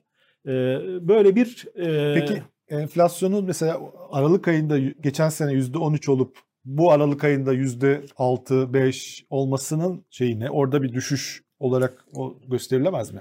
Enflasyon artış Hayır, o düşürdük geçen diyemezler sene, mi? Geçen sene şu, geçen sene tabii e, o hatırlayın kur şokları e, Aralık ayında çok ciddi bir kur şoku 18'e vardı. çıkmıştı bir anda. 18'e kadar çıkmıştı ve kur şokları tabii ki e, şeye yansıyor. Hani fiyatlara yansıyor. Yani bu sene tabii o derece bir kur şokuyla karşı karşıya değiliz. Yani kuru da yine biraz önce söylediğim gibi arka kapıdan e, işte satışlarla veya örtülü faiz artırımlarıyla baskılamaya çalışıyorlar. Bakın burada da bir diğer illüzyon da var. Yani Hmm. e, işte biz sanki işte faizi düşürüyoruz diyor ama iktidar. Ne kadar daha Merkez Bankası'ndan satış yapabilir arka kapıdan? Yani arka kapıdan tabii şey e, bu döviz e, girişleri geldikçe satmaya devam edecek bunu- öyle gözüküyor. Net rezervleri iyileştirmeyecek. Okey.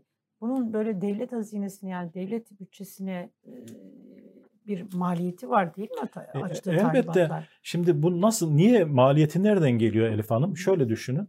Şimdi sizin Merkez Bankanızın rezervleri eksi 62 milyar dolarsa sizin e, dışarıdan borçlanma maliyetiniz ve risk primleriniz de o kadar yüksek oluyor. Değil mi? Çünkü size borç veren insanlar o borcun geri ödenmesiyle ilgili ciddi endişeler taşıyorlar. Ciddi endişeler taşıdıkları için işte risk primi artıyor. Risk primini daha önce programda konuşmuştuk. O kasko Evet. primi diyelim. Kasko primi. Yani e, gidip onu sigortalamak istiyorlar. O sigortalamak için ödedikleri prim artıyor. O prim artınca sizin ödediğiniz faiz artıyor. Şimdi bakın daha yeni Türkiye Cumhuriyeti Hazinesi kira sertifikası ihraç etti. 3 yıl vadeli kira sertifikası ihraç etti. Nedir bu? Dolar cinsinden. Hani sukuk deniliyor ya. Aha. Kira sertifikası onun e, Sukuk. şeydeki karşılığı sukuk. İslami şey. İslami tahvil. Tahvil. E, e, şimdi 3 yıl vadeli. Dolar cinsinden faizi kaç oldu? %9.8. %9.8. E bu hükümet faiz seviyor bayağı. E şimdi- ya. E, e, Faiz e, sever e, bir bakın biz var yani. biz hep şunu söylüyoruz. Faiz lobisi kendi tabirleriyle faiz lobisi bu iktidar döneminde özellikle son birkaç yıllık dönemde e, en mutlu e, gününü yaşıyor. Günlerini yaşıyor. En mutlu günlerini yaşıyor. Niye bunu söylüyoruz? Bunun gerekçesine bakın tek tek rakamlara bakalım. Yani şimdi şöyle e, bütçeden ödenen faiz ne kadar olacak biliyor musunuz bu sene? Yani korkunç. Şimdi uzun yıllar ta 2003'ten 2017'ye kadar Türkiye Cumhuriyeti hazinesinin yıllık ödediği faiz 45-50 milyardı. 45-50 milyar. Şimdi bu sene 330 milyar faiz ödeyecekler. Onu bütçeye koymuşlar. 150 milyara yakın da bütçeden, sadece bütçeden kur korumalı mevduat için ödeme yapacaklar.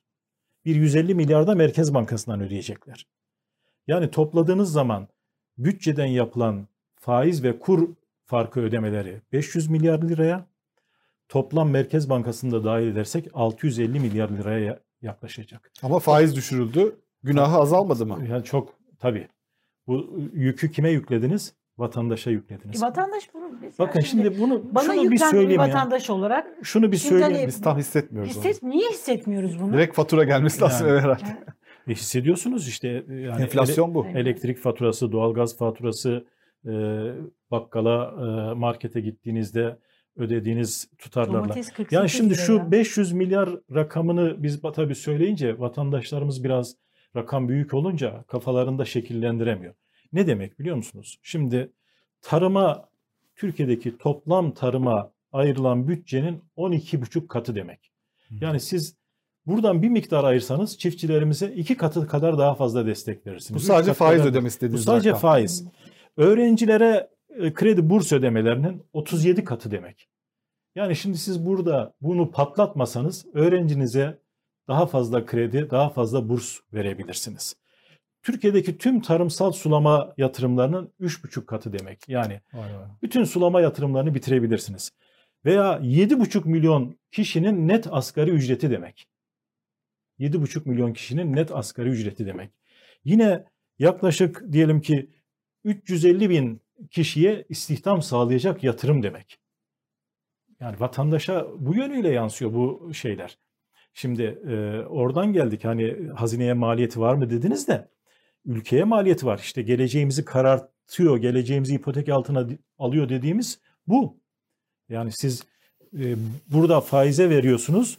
Bu imkanlardan, bu e, tabii ki yatırımları, bu e, harcamaları yap- yapmaktan mahrum kalıyorsunuz. İşte vatandaşa böyle yansıyor. Yani hiç iktisatta hiçbir şey gizlenemez. Şimdi Elif Hanım. şöyle bir Yani şey onun var. için- Bunu vatandaş da böyle söylüyor İbrahim Bey. Tamam. Ee, Cumhurbaşkanı Erdoğan da helikopterinin penceresinden baktı. Hı hı.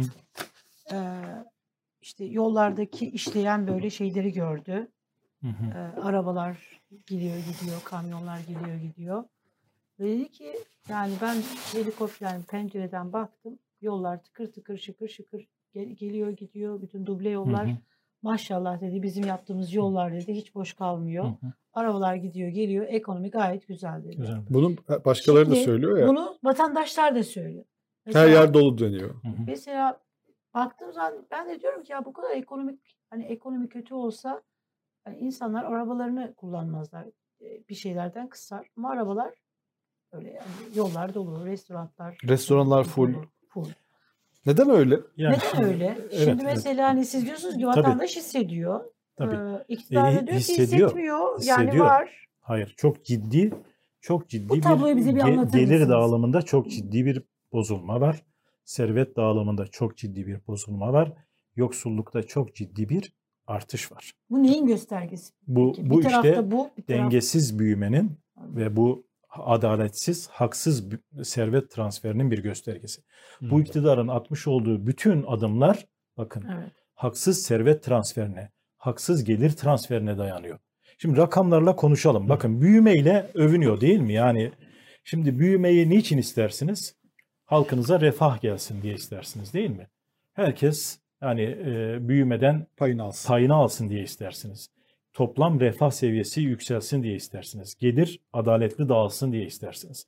E şimdi bakalım. Onun için biz hep söylüyoruz. Bu iktidarın büyüme modeli fakirleştiren, yoksullaştıran bir büyümedir. Fakirleştiren, yoksullaştıran bir büyümedir. Şimdi bunu zaten kendileri kendi ağızlarıyla itiraf ettiler. Biz Türk lirasını pul edeceğiz, işte cari fazla vereceğiz, buradan büyüme sağlayacağız dediler. Yani bir Bangladeş tipi bir büyümeyi Türkiye'ye e, hani şey gördüler. ekonomi iktisatçı Numan Kurtulmuş şeyi söylemişti. Eski Türkiye'de paramız çok değerliydi. Bu Evet. sorundu. Allah şükür dedi şimdi o kadar değerli değil dedi. Yani Yani sonucunu da gördük. Bir de şöyle bir şey var. Orada bir parantez açayım da Elif Hanım. Şimdi geçen sene Ya bu paranız zamanlar değersiz diye üzülen bir mesela iktidar siyasetçisi olur tabii mu? tabii. Siz Yani böyle hani mümkün çok değil. yüksek AK Parti'nin böyle en hani e, iyi bürokratlarından birisisiniz, birisiydiniz. Şu anda da böyle hani e, işte e, Deva Partisi'nin ekonomi finans politikaları baş. Belki önümüzdeki işte iktidar değişiminde bakanlık için adınız geçecek. Yani bir siyasetçisiniz şu anda. Ya bir siya bir bir yönetici, devletin devleti yöneten birisi Allah'a şükür paramızın değeri düştü diye sevinir mi?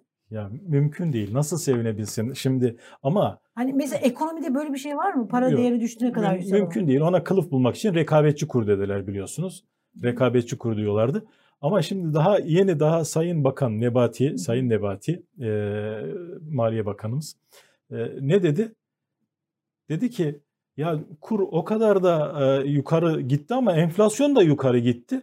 Paramız e, aslında değerli diyor şu anda. Değerli Ay, diyor. 40 satır mı 40 katır mı Şimdi dedi bakın yani. Şey şimdi diyor, mi, yani o kadar mu? o kadar mu? yani filan. ama şimdi, şimdi bir yıl önce rekabetçi kur diyorsunuz. Bir yıl sonra işte tamamen tam tersi. Ama biz neyse konumuza dönelim. Evet bu Şimdi- lokantalar niye dolu meselesine dönelim. ona dönelim bakın konumuza dönelim. Şimdi bir defa e, büyüme refah getirmiyor. Nereden anlıyoruz? Şimdi mesela ücretlerin milli gelirdeki payı mesela 11.4 puan azalmış. Nereye? Son iki yılda. 11.4. Ya 11.4 puan ne demek biliyor musunuz? Şimdi bizim milli gelirimizin yaklaşık işte e, 800 milyar dolar deseniz kabaca dolar cinsinden konuşalım. Yani 11 milyar dolar, yüzde 11 puan demek yaklaşık 90 milyar dolar demek ki siz çalışanlardan, ücretli kesimden almışsınız. Yani aslında ücretli kesimin maaşları düştü. Düşmüş. Şimdi dolayısıyla Lokantalarda onlar değil. değil. Hmm. Lokantalarda olanlar onlar değil. Şimdi en yüksek %5'lik gelir dilimiyle en düşük %5'lik gelir dilimi arasındaki fark ne kadar? 24 kat. 24 kat. En üstteki %10 servetin %67'sine sahip. En zengin %1'lik kesim toplam servetin %41'ine Devrim sahip. için bütün koşullar hazır. Mudilerin mevduat sahiplerinin %0,4'ü mevduatın %66'sına sahip. Bakın 0,4'ü %66'sına sahip. Şimdi böyle bir yapıdan e, bahsediyoruz. Onun için biz hep başından beri şunu söylüyoruz. Bu yaşanan krizin adını doğru koyalım. Bu yaşanan kriz yoksulluk krizidir, fakirleşme krizidir. Yani bu e, e, başlık şimdi bu baştaki soruya e, şey yaparak Hı. yani bu nüfus yani Türkiye'de şu anda bu uygulanan ekonomik yöne- e, yöntemle zenginleşen nüfus Türkiye'nin yollarını, lokantalarını, kafelerini, otellerini doldurmaya yetecek kadar büyük bir nüfus E, zaten. tabii ki yani 84-85 milyonluk bir nüfustan bahsediyoruz. Bakın bunları biz Kaç milyon söylemiyoruz. insandan bahsediyoruz böyle bir? 10 milyon insan böyle mutlu yaşıyor Türkiye'de. E, Yani şimdi e, yani en yüksek yüzde beş dediğimizde baktığınız zaman işte onlar diyelim ki Bir işte 4-5 bir milyon. Avrupa Avrupa standardında yaşıyor. E kalan e, kısımlarda işte e, hani diyelim ki işte Bangladeş veya işte e, Vietnam veya Çin e, Çin gerçi bizi geçti ama e, standartlarında e, yaşıyor. Böyle bir durum. Yani şimdi hani vatandaş hissetmiyor diyorsunuz da bakın yani niye bunları söylü- söylüyoruz, bunları görmezlikten geliyoruz? Ya sebze meyvede artık kilo yerine taneyle alma başladı mı başlamadı mı? Şimdi ekmek kuponlarını bu iktidar döneminde gördük mü görmedik mi? Askıda ekmek uygulamasını gördük mü görmedik mi? Yani ucuzluk marketlerinde ikinci el giysi satılıyor. Bunu görmüyor muyuz? Bunu nasıl e, görmezlikten geliyoruz? Google'da bakın Google'da sosyal yardım alanlar, aile sosyal yardım paraları, işte sosyal yardımla ilgili aramalar yüzde beş bin artmış Hmm. Google'da. Son birkaç aylık dönemde yüzde beş bin artmış. E bunu görmüyor muyuz? Sıfırlanmış aşırı yoksulluk geri geldi. Yani yatağa aç giden vatandaş kalmadı diyorduk biz 2012'de 2013'te.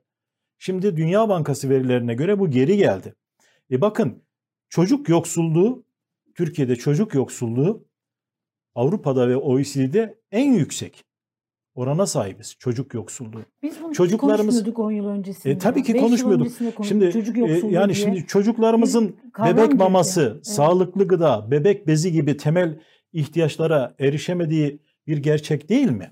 Yani hele hele bu çocuk yoksulluğunun üzerinde çok durmamız lazım Elif Hanım. Yani bu çünkü ne oluyor? Hem çocukların sağlıklı gelişimini olumsuz etkiliyor hem eğitimini olum- olumsuz etkiliyor. Bakın çocuklar ayrılıp çalışmak durumunda kalıyorlar. Şimdi e, bir başka daha rakam vereceğim. Bakın bu da TÜİK'in rakamı ve 2020 yılı verileridir bu. 2020 daha 2021-22 değil yani. Nüfusun yüzde 60.8'i yani 50 milyon kişi bir hafta tatil yapamıyor. Yüzde 38'i 32 milyon kişi haftada iki gün bile protein tüketemiyor. Et, ve Et, peynir, balık, balık. peynir.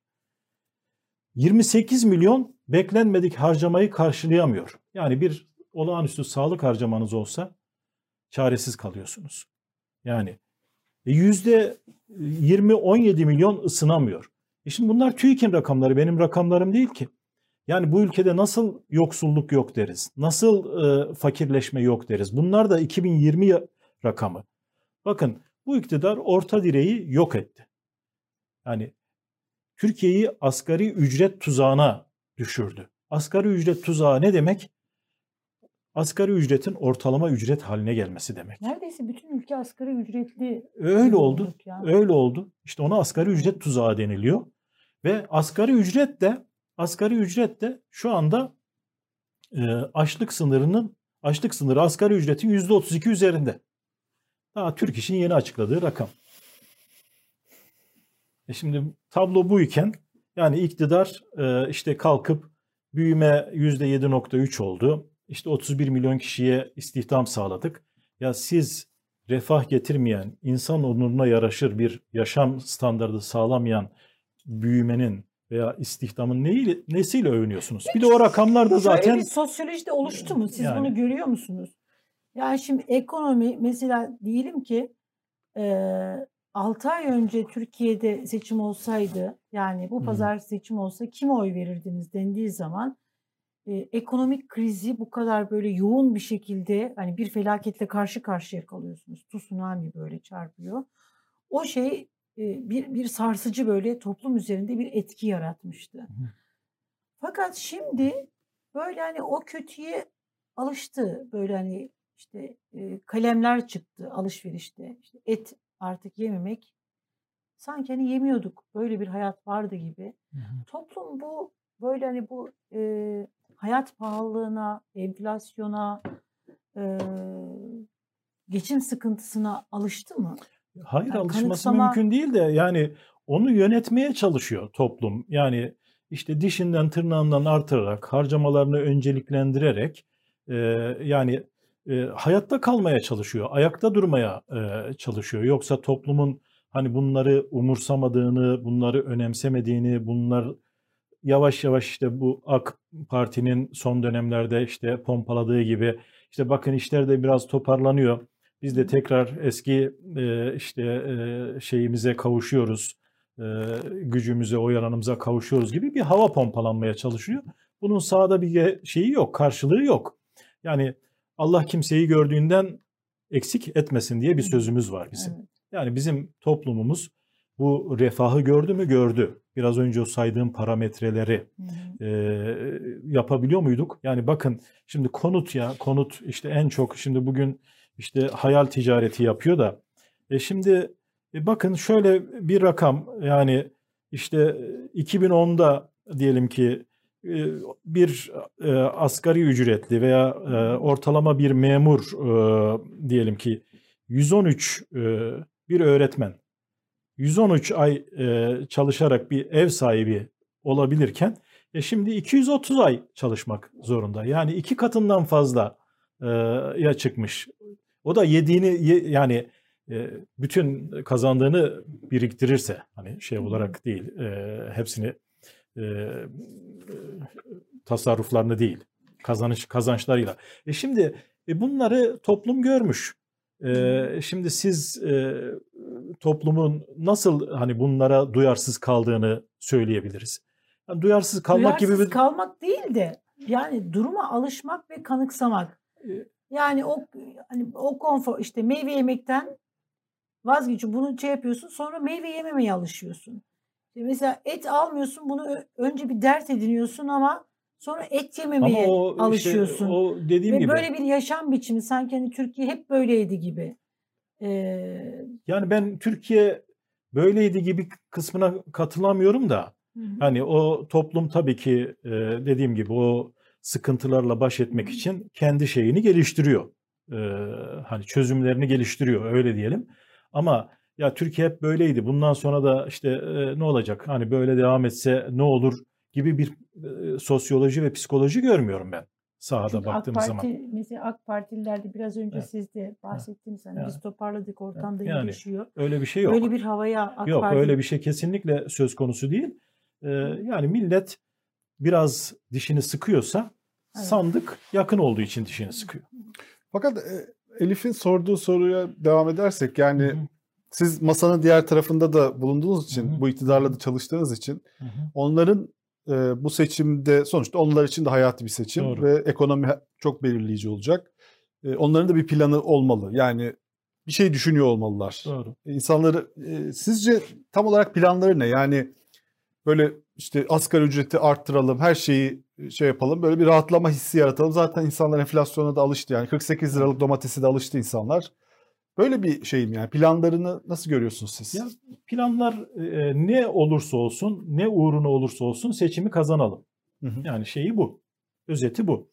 Yani e, dediğim gibi e, eldeki mevcutları heba etmek, geleceği ipotek altına almak, har vurup harman savurmak, ne olursa olsun hani e, bu seçimi kazanalım üzerine kurulmuş durumda. Ama yani açmazlar çok fazla. Hmm. Şimdi bir taraftan diyelim ki böyle saçıp savurduğu zaman saçıp savurduğu zaman hemen nereye yansıyor? Enflasyona yansıyor. Cari açığa yansıyor. Kura yansıyor. Onun için mesela Yıldıray Bey ne oluyor? İşte hiç işe yaramayan bir e, Merkez Bankası faizini düşürüyor değil mi? Sonra da bankalara da faizi düşürmek için talimat veriyor. Değil mi? Talimat veriyor. Fakat e, şimdi bunun böyle kredi patlamasına da yol açmasını istemiyor. İşte onun için de ne yapıyor? Bankalara da öte yandan diyor ki ya biz faizi düşüyormuş gibi gösteriyoruz ama siz fazla da kredi vermeyin diyor. Mesela niye? Çünkü cari açığa yansıyacak. Niye? Kura yansıyacak. Yani e, böyle bir e, 40 katır 40 satır e, meselesi, sakal bıyık e, meselesi açmazları çok fazla. Çünkü e, hani şey gibi o e, Luna Parklarda kirpi e, şeyi vardır, oyunu vardır. Böyle vurursunuz, biri düşer, öbür taraftan patlar hemen şey çıkar. Hani yukarıya çıkar. Ona vurmaya çalışırsınız öbür taraftan çıkar. Ona vurmaya çalışırsınız öbür taraftan çıkar. Şimdi e, dengeleri o kadar bozmuş durumda ki bu iktidar. E, hani enflasyonu kontrol edeyim dese işte büyümeyi iyice e, frenlemek durumunda. Büyümeyi tercih edeyim e, dese enflasyon ve kuru e, ve cari açığı patlatmak durumunda. Onun için ancak çok kısa dönemli bir takım manevralar Hı hı. yapabilir. Onlar da tabii ne kadar etkili olur onu bilemiyorum. Yani Evet. şimdi yıl başında işte asgari ücreti artıracağız diyor. Niye İşte- yılbaşı? Mesela niye Evet, şimdi bir tabii o çok önemli bir soru. Yani Hı hı. İbrahim Bey mesela hani Çok çok önemli bir şimdi soru. Niye şimdi yılbaşını yılbaşı böyle be- bekliyoruz? İşte diyorum ya, bekleniyor? Her şey vatandaşı düşünmek, vatandaşın derdine çare olmak üzerine kurulmamış. Seçim kazanmak, seçime yakın iş yapıyormuş gibi görünmek için e, yılbaşı. Bu iktidarın bütün politikaları miş-muş politikaları. Bakın niye? Şimdi çok haklı bir noktaya değindiniz. Çok çok haklı. Şimdi biraz önce söyledim. Açlık sınırı asgari ücretin %32 üzerinde mi? Hı. Üzerinde. E madem o kadar samimiysin o zaman artır. Şimdi artır. Niye artırmıyorsun? Niye yılbaşını bekliyorsun? Belki beklediği bir para ya da Yani bir şey işte vardı. Şimdi bakın şimdi bir taraftan da şunu birkaç tane rakam paylaşayım halkımızın bizi daha iyi anlaması için. Şimdi Temmuz ayında %30 asgari ücrete zam yaptılar değil mi? Evet. böyle övün, övünerek, davulla, zurnayla duyurarak %30 zam yaptılar. Ben şimdi şuradan birkaç tane rakam paylaşacağım. Ocak ayında asgari ücretin alım gücü neydi? Şu anda asgari ücretin alım gücü ne? Şimdi toz şeker. Toz şeker Ocak'ta 133 kilo. 133 tane 5 kiloluk paket. Şimdi 65. 68 paket düşmüş. %51 reel olarak değer kaybı. Bulgur. Şimdi Ocak'ta 654 kilo. Çünkü bulgur 6,5 liradan 15,5 liraya çıkmış. Ocak'taki rakam 654 kilo. Şu anda 358 kilo. 296 kilo bulgur asgari ücretlinin bütçesinden alınmış. Yani beyaz peynir işte 77 kilo 48 kilo. Çamaşır deterjanı, zeytin, makarna, su, su ya, su. Suda bile %30'a yakın reel değer kaybı var. Bakın su en temel ihtiyaç. Numan Kurtulmuş bayağı mutludur para çay, değer Çay. E, Seviniyor. E şimdi e, yani kaşıkla verip kepçeyle almak bu demek. Şimdi %30 zam yaptınız ama bakın bütün bu e, tüketici derneği bunları e, toparlıyor ve markalarını da şeylerini de veriyor. Nereden aldığını da veriyor yani öyle e, gizli saklı bir rakam değil. TÜİK'in yapmadığını artık bu sivil toplum kuruluşları yapıyor. Şimdi dolayısıyla şimdi siz zaten asgari ücreti eritmişsiniz. Ve şu anda açlık sınırının işte yüzde 32 açlık sınırı asgari ücretin üzerinde. E niye bekliyorsunuz? E niye? İşte yıl başında bir şöyle göz boyama yapalım. Göz boyama yapıp asgari ücrete bir miktar işte böyle iyi görünecek, iyi algılanacak bir artış yapalım. Ama ondan sonra bakın burada örneklerini verdim. Kepçeyle geri alalım. Daha işte evet. 7 ay sürmemiş yani. 8 Şimdi, ay sürmemiş. Biraz da muhalefet olarak siz neler yapıyorsunuz buna karşı evet. ona gelelim. Çünkü geçen evet. hafta Doğru. E, bir toplantı oldu. Bu altılı Doğru. masa toplantısından sonra e, çeşitli konularda komisyonlar kurulup e, belli e, ortaklaşmalara gidilmesine karar verildi. E, bu komisyonların ilk toplantısında siz de olduğunuz Deva Partisi'ne yapıldı. Evet. Tabii fotoğrafı da görelim isterseniz arkadaşlar konuşurken. E, komisyon tabii deyince e, kötü şeyler akla geliyor. Yani komisyona bir şey havale edildiğinde evet. pek iyi sonuçlar çıkmıyor Türkiye'de. Bu öyle bir komisyon mu? Değil. Değil e, Yıldıray Bey. E, şimdi biliyorsunuz altılı masada bugüne kadar böyle birkaç tane ortak çalışma yapıldı. Bunlardan bir tanesi güçlendirilmiş parlamenter sistem çalışmasıydı. Onu bizim partimizden Sayın Yeneroğlu'nun e, katıldığı bir grup. O çok nitelikli, çok kaliteli bir çalışma oldu. Bakın. Hı hı. Böyle komisyona havale edilip de iş çıkmayan bir durum yok. Yani parlamenter sistemden ne anlaşılması gerektiği unsurları çok böyle e, özlü bir şekilde ortaya konuldu. Liderler de onu 28 Şubat'ta açıkladı. Hı hı. Yine bizim benim de yer aldığım Kurumsal Reformlar e, Komisyonu bir çalışma yaptı. Orada da bir iktidarın devralınmasıyla birlikte hasar tespit komisyonu kurulması. Hmm. İki, ekonomik sosyal konseye işlerlik kazandırılması. Strateji ve planlamadan sorumlu bir kurum kurulması ve Merkez Bankası'nın güçlendirilmesiyle ilgili bir dört başlık altında çalışma yaptık.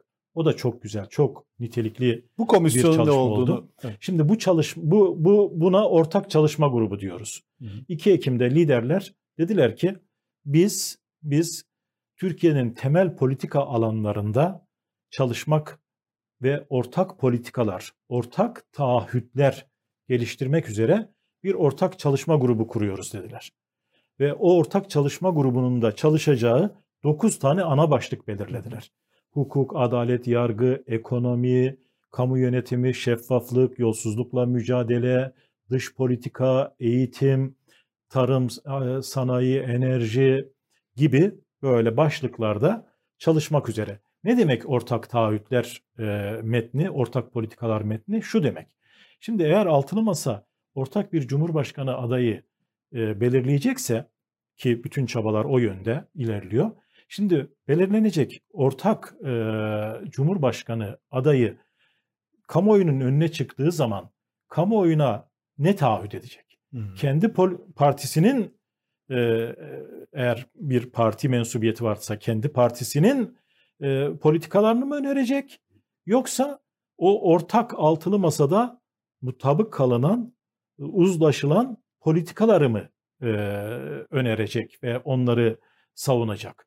E, yani bir anlamda belirlenecek ortak cumhurbaşkanı adayının seçim beyannamesinin omurgası oluşturulacak bu e, komisyonda ve bu komisyon e, gerçekten hani e, ben Deva Partisi'ni temsilen e, katılıyorum komisyona. Hani beraber kurumsal reformlar komisyonunda da e, çalıştığımız e, arkadaşlar. Bir gösterebilir miyiz tekrar fotoğrafı? Tabii. Fotoğraf üzerinden konuşalım. Bu komisyon e, bir üst komisyon olacak. Altta başka komisyonlar da mı olacak? Şöyle, bütün partiler o biraz önce söylediğim 9 ana başlığın altında belirlenmiş alt başlıklarda önerilerini ortak çalışma grubuna iletecekler. Hmm. Ortak Siz, çalışma yani bu grubu komisyonda her şey konuşulacak. evet, bunları konsolide edecek ama tabii konular çok detaylı olduğu için bazı konularda farklılaşmalar olabilir. Hı. O farklılaşma durumunda da o konunun ilgilisiyle beraber bir artı bir formatında toplanmak suretiyle Hmm. e, bu metni, ortak taahhütler metnini, ortak politikalar metnini oluşturmaya e, oluşturacağız. Hı. Bu tabii e, yoğun bir iş. Evet. Yani Burada e, beraber çalıştığınız e, isimlerle e, nasıl bir uyum içerisindesiniz? Yani tanışıyor musunuz daha önceden? tabii ki Kimler Anla- var o bir anlatabilir misiniz bize? Şöyle söyleyeyim. e, şimdi e, beş arkadaş biz biraz önce bahsetmiş olduğum kurumsal reformlar komisyonda Grubundaydınız. beraber çalıştık. Hı hı. Yani e, Cumhuriyet Halk Partisi'nden Sayın Faik Öztrak, e, İyi Parti'den Sayın Profesör Ümit Özdağ. Özdağ var. E, Saadet Partisi'nden e, Profesör Doktor Sabri Tekir Hı. hocamız var. E, yine Gelecek Partisi'nden e, Feridun Bilgin e, Bey Hı. var. E, Demokrat Parti'den de Bülent Şahinalp Hı. var. E, ve e, Deva Partisi'nden de ben katılıyorum. Hı hı. Şimdi e, komisyon Siz önceden tanışıyorsunuz ama bu isimlerle E, galiba. ki. Bir anlatabilir Yani- misiniz o hikayelerinizi? E, e, tabii ki. İlginç Yani olabilir seyircilerimiz Biz için. tabii e, Feridun Bey'le e, Devlet Planlama Teşkilatı'na beraber başladık 1986 yılında. Daha sonra da hazinede müsteşar müsteşar yardımcısı olarak beraber e, Sizin müsteşar çalıştık. yardımcınız. Tabii daha sonra Ulaştırma Bakanlığımızı Ulaştırma Bakanlığı yaptı yaptı Feridun e, Bey. Feridun Bey. E, Faik Bey'le e, Devlet Planlama e, Teşkilatı'nda e, beraber çalıştık uzun yıllar. Hı hı. 14 yıldan fazla e, bir süreyle beraber çalıştık. Sonra hazinede Halef Selef e, olduk. E, benden önceki hazine müsteşarıydı. E, Bülent Bey bürokrasiden e, tanıdığımız e, yine dış ticarette e, yakın tanıdığımız, çalıştığımız birisi. E, Sabri hocamız zaten e, her e, anlamda deneyimli, e, donanımlı, işte e, yüzlerce e, eğitimci e, kazandırmış e, ve daha önce bakanlık yapmış bir e, büyüğümüz. Hı hı. E, Sayın Ümit Özdağ'le akademisyen ama e, Merkez Bankası'yla, diğer kamu kurumlarıyla e, daha önce beraber projeler üzerinde çalışmış. Yani komisyon hem çok uyumlu, Birbirinizi e, tanıyorsunuz herkes zaten. birbirini tanıyor ve e, gerçekten de e, bu konuştuğumuz başlıklarda önemli e, çalışmalara e, imza atacak bir e, birikime, e, donanıma sahip bir Böyle komisyon. devlet planlama teşkilatı dönemi toplantıları gibi sanki biraz. Biraz öyle oldu. E, O şekilde arayanlar da oldu. Hmm. yani eski şey dönemleri böyle program çalışmaları dönemi gibi olmuş diye arayanlar da oldu. Ee, güzel bir Ne kadar güzel ama ya. Evet, güzel. Bütün mesela birbirinden bu bütün partiler e, hani politika ideolojik olarak ayrı yerlerde ama şu an Türkiye'nin e, içinden geçtiği bu süreçte bir araya bir araya gelip Türkiye'yi düzlüğe çıkartmak için aynı masanın etrafında Evet. toplanabiliyor. Bu olabiliyormuş Bu aslında. olu- yani. olabiliyor ve gerçekten buna çok şiddetle ihtiyaç Evet. var. Çok şiddetle ihtiyaç var. Yani bu altılı masa zaten biliyorsunuz hani bir mutabakat masası, bir uzlaşma e, masası ve yarının Türkiye'sini inşa etme masası. Yani farklılıklarımızı değil de ortak zemini e, öne çıkarma masası. Bir de gömlekli oturmuşsunuz. Bu çalıştığınızı gösteriyor. E, mi? Evet. Yo gerçekten gerçek anlamda e, yani 4-5 saate varan e, Çalışıyorsunuz. böyle. yoğun e, Biraz mesai. yalnız şey e, Faik Öztürk şöyle hani ah, fotoğrafta çektirmesin. Faik Bey, yo yo yo. Faik Bey bayağı spor Evet. gelmiş. Spor Ya, gelmiş e, ama şey böyle hani fotoğrafta çekti yani. Ama diğer komisyonlar da öyle. Şimdi biz görmüyoruz da mesela Mustafa Beylerin Anayasa Komisyonu her gün toplanıyorlar. Siz peki hangi sıklıkta toplanacaksınız? Biz şimdi her hafta toplanacağız ama bizim tabii bu başlıkları belirledikten sonra partilere tabii bir zaman vermemiz e, gerekti. Hı hı. Bir şöyle 2-3 haftalık bir zaman verip o hazırlıklarını, kendi iç hazırlıklarını tamamladıktan sonra bizim de e, artık belki haftalık yetmeyecek günlük toplanmamız bir gerekecek. deadline'ı var mı bunun peki? Yani bunu 2-3 ay içinde e, tamamlamayı e, hani liderlerin e, bize vermiş olduğu perspektif yani 2-3 ay içinde e, yılbaşından önce bu çalışmayı tamamlamak şeklinde. Mesela Yani net bir şekilde şey Genel çıkacak Başkan, mı hani? Cumhurbaşkanı adayı Yol yok o haritasını zaman. Açıklarken şu olacak, bu Tabii olacak tabii tabii. filan. Bunlar böyle zaten biz e, hani kendi içimizde de dokümanları isterken böyle genel değerlendirmeler, genel şeyler değil. Mesela örnekleri var bunun e, Elif Hanım. Mesela hani güçlendirilmiş parlamenter sistem çalışmasından. İşte seçim barajını %3'e düşüreceğiz. İşte çevre mahkemeleri kuracağız. Merkez Bankası kanunundaki bazı maddelerin nitelikli çoğunlukla değiştirilmesini Bir tane izleyicimiz diyor sağlayacağız. ki bu masalarda ne zaman kadınlar olacak? Haklı bir soru. bir şey diyemiyorum. Haklı bir soru ama e, hani tablo böyle Arkadaşlar masada şekillendi. kadın olsun diye de diretmeyin. Yani Yani bir ekonomist Evet. iyi bir şey olsaydı yani Vardır kadınlar yani, da artık vardır. vardır tabii ki de şu Partilerde anlamda. var da Ya şu böyle siyasete anlamda- girmekten çekiniyorlardı. Evet. belki. Yani şu anlamda söylüyorum. İlla hani masada da bir kadın olsun. Ya bunları da geride bırakalım. Olur arkadaşlar ya. Yani e, bir erkeğin bunu söylemesi de ayrıca güzel bir şey de ki yani olur. Peki bu sizin e, mutabakatta olduğunuz şeyi liderler mi açıklayacak yine? Yani e, tabii ona henüz daha bir e, karar verilmiş değil ama liderlerin tabii ki e, hani bunlar parça parça mı açıklanacak? Şimdi 9 başlık söyledim ya. Belki bunlar 9 başlık tek bir defada olmayabilir. Böyle tamamlanan hazır olanlar e, açıklana açıklana gidilebilir. E, yani buradaki tabii ki e, düşünce bu güçlendirilmiş mutabakat e, şey güçlendirilmiş parlamenter sistem mutabakat metninde olduğu gibi bu da tabii çok önemli bir e, döküman, Hangi soruları bir birkaç tane örnek verir misiniz? Hangi soruların cevabını bulabileceğiz bu masadan çıkan işte yol haritasında?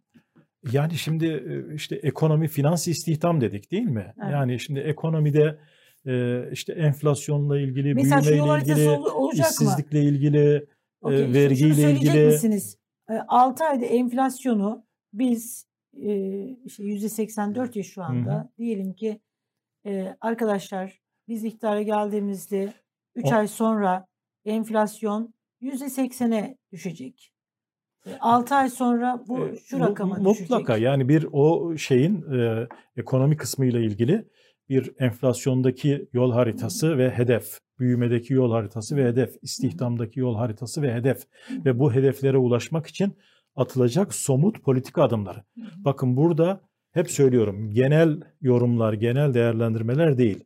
Somut hedef, somut politika, somut taahhüt, somut proje. Bunlar çalışılacak. Peki siz baktığınızda bu bunlar çalışıyor. 6 5 parti diğer 5 parti yani biz bu partilerle ve bu insanlarla anlaşabiliriz. Yani çok fazla fark yok aramızda diyor musunuz yoksa hani böyle kriz konuları olabilir mi? Ya mutlaka farklılıklar var Yıldıray Bey. Mut- Şu andaki e, programlarda, politikalarda, parti programlarında mutlaka farklılıklar var ve mutlaka masaya e, farklı e, öneriler, farklı düşünceler gelecektir. Yani bu ekonomiyle ilgili olabilir, hukuk, adalet, yargıyla da ilgili olabilir, dış politikayla da ilgili olabilir. Yani farklılıkların olmaması zaten mümkün e, değil. Yani altı parti. Mesela CHP ile sizin ekonomi Ee, politikalarınız arasında ciddi bir fark var. Yok mu? Farklı olan noktalar var. Yok? Olmayan noktalar var. Yani e, çok ciddi ve her konuda farklıyız diyebilmek mümkün değil. Ama şimdi Türkiye'nin sorunları o kadar acil hale gelmiş, o kadar e, hakikaten e, kritik bir noktaya gelmiş ki burada biraz önce dediğim gibi farklılıkları değil, ortaklıkları, müştereklikleri ve uzlaşmayı esas alarak ilerlemek durumundayız. Elbette ki partiler kendi görüşlerini törpüleyeceklerdir. Mesela kurumsal reformlar çalışmasında da öyle oldu. Bakın yani farklı farklı düşünceler vardı. Yani planlama örgütüyle ilgili, Merkez Bankası ile ilgili farklı farklı düşüncelerimiz olabilir ama onları törpülemesini bildik. Bizim e, törpüleyemediğimiz, bizim mutabak kalamadığımız hususlarda liderler e, tabii ki kendi aralarında görüşerek çözeceklerdir. Yani bu buradaki farklılıkların ben bizim e, mutabakatımızı e, ve hakikaten hani yarının Türkiye'si için yapmamız gerekenleri önleyecek, engelleyecek, kayacak e, şekilde e, olacağını ben düşünmüyorum açıkçası. İsimler sizce konuşulmalı mı? Yani böyle bir fikir de e, bu altı partinin seçimden önce işte şu şu bakanlık şu olacak, şu işte Merkez Bankası şunu getireceğiz, hazinenin başına bunu getireceğiz gibi isimleriyle de çıkması gerektiğini söylüyor. Siz buna katılıyor musunuz? Yani o tabii seçim dönemi yaklaştıkça liderlerin değerlendireceği bir husus. Yani önce tabii ki ortak cumhurbaşkanı adayının e, ismi üzerinde bir mutabık kalınması lazım. Ortak cumhurbaşkanı adayının tabii ki ortaya çıkacak bu ortak politikalar, taahhütler e, noktasında e, tabii e, kendine e, diğer liderlerle mutabık kalacak bir çerçevede bir ekip, bir kadro belirlemesi söz konusu olacaktır. Ama onların kamuoyuyla paylaşılması yani hangi aşamada olur? Ee, onu e, bilemiyorum açıkçası. O muhtemelen eğer öyle bir şey olursa daha çok seçime yakın bir dönemde olur diye düşünüyorum. Yani seçime iyice yaklaşıldı, yaklaşılan bir dönemde olur diye düşünüyorum. Ben burada şunun daha önemli olduğunu düşünüyorum. Yani ortaya çıkacak program çok önemli. O politikalar, taahhütler e, metni çok önemli. Bir de tabii ki ilkeler çok önemli. Yani ehliyetin, liyakatin e, esas alındığı, baz alındığı bir sürecin işlemesi çok çok önemli. O olduktan sonra tereddüt etmeye gerek yok ve aslında altı partinin tamamı her alanda, yani bu sadece ekonomiyle ilgili söylemiyorum, her alanda yani birçok çok sayıda kabine çıkaracak donanımda insanlarla. İşte tam burada bir yani tartışma var biliyorsunuz. Yani. Yani mesela deniyor ki ekonomi yönetimi kimde olacak? İşte mesela işte Deva Partisi'nde işte Ali Babacan var, işte siz varsınız. Hani siz ekonomi konusunda bir tecrübeniz var. Ee, işte Azine Müsteşar yaptınız. Ali Bey zaten ekonomi bakanıydı. E işte onlarda mı olacak deniyor. İşte mesela bir İyi Parti'den bir yetkili genel başkan yardımcısı o da diyor ki yok o bizim CHP ile biz belirleyeceğiz onu diyor. İkimiz yeteriz. Başkasına ihtiyaç yok. Diğerleri diyor küçük partiler yani diyor. o- Bu tartışmalara nasıl bakıyorsunuz siz? Yani biz o tartışmaları açıkçası e, şu anda çok e, hani e, gerekli görmüyoruz veya çok e, hani e, şey bulmuyoruz, e, doğru bulmuyoruz öyle öyle söyleyeyim. Çok kibarsınız yine. e, çünkü Vallahi evet ya. yani çünkü bunu liderler zaten kendileri söylüyorlar. Yani altılı masa bir mutabakat masası. Altılı masa bakın her konuda mutabakatla ilerleyen bir masa. Partilerin oy oranlarına göre çünkü partilerin oy oranını seçime girmiş partiler var, seçime girmemiş partiler var. Evet. Yani neye göre ölçeceksiniz? Hani e, şimdi e, herkesin e, tabii ki alacağı oy sandıkta e, belirlenecek e, netice itibariyle. Sandıklar açılıp oylar sayılıncaya kadar hiç kimse e, tabii ki şeyi bilemeyecek. da hani masa nezaket, masanın masaya nezaketli olmak lazım. Masanın hukukunu Tabii, tabii. korumak lazım. Hani böyle bu, bunu genel için biz- başkan yardımcıları da E, tabii Yani ki mutlaka. Siz çok nezaketle cevap veriyorsunuz. Hani şunu da söyleyebilirdiniz.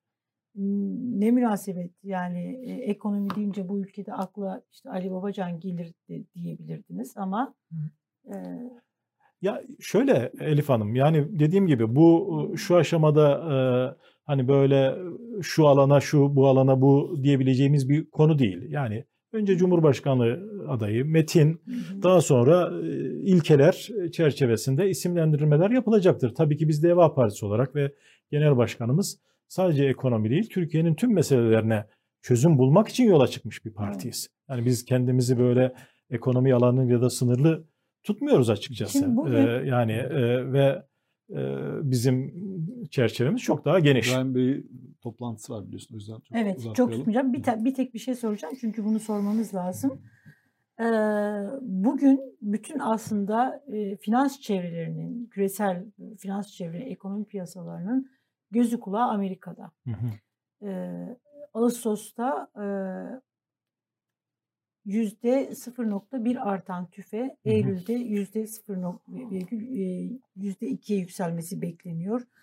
Şimdi Amerika enflasyon verisi beklentiyi aşarsa piyasa fiyatlamaları daha da bozulabilir diyor. Siz ne bekliyorsunuz Evet. bu bağlamda? Yani şimdi doğru daha Türkiye'yi nasıl etkileyecek? tabii daha yeni e, işte bu e, Amerika Birleşik. Devletleri Merkez Bankası Fed'in tutanakları açıklandı. Orada da enflasyonun aslında beklenenden yavaş hı. düştüğü ve faiz e, artışlarına kararlı bir şekilde devam edilmesi yönünde ifadeler e, yer aldı. Tabii ki enflasyon verilerinde kötüleşme veya beklenenden daha yavaş bir iyileşme e, Hı. sürdüğü müddetçe tabii ki Amerika'da e, faizler noktasında da e, daha e, sıkıntılı bir döneme bizim açımızdan Hı. diyelim sıkıntılı bir döneme gireceğiz. Çünkü yani küresel e, finansal koşulların sıkılaşması yani Amerika'da faizlerin artması, Avrupa'da faizlerin artması bizim dış borçlanma maliyetlerimizi artırıyor. Bizim e, ülkemize gelen sermayenin e, girişini azaltıyor ve e, birçok kanaldan ve ta, tabii bir de büyüme kanalından yani o aralarda faizler arttıkça büyümeler de e, yavaşlıyor ve e, birçok kanaldan ekonomimizi olumsuz etkiliyor. Onun için zaten biz hep söylüyoruz bu iktidar yani yanlış zamanda yanlış adımlar attı ve e, aslında Türkiye'yi bugünkü sıkıntılarla e, baş başa Evet. bıraktı. O zaman bir de ben bir soru sor, sor, sorayım. Yani böyle çok kısa bir cevabı olan. Yani şimdi siz rakamlara bakıyorsunuz. Hükümetin işte popülist uygulamaları var. Bunlar artacak seçimine kadar. Diyelim ki iktidara geldiniz.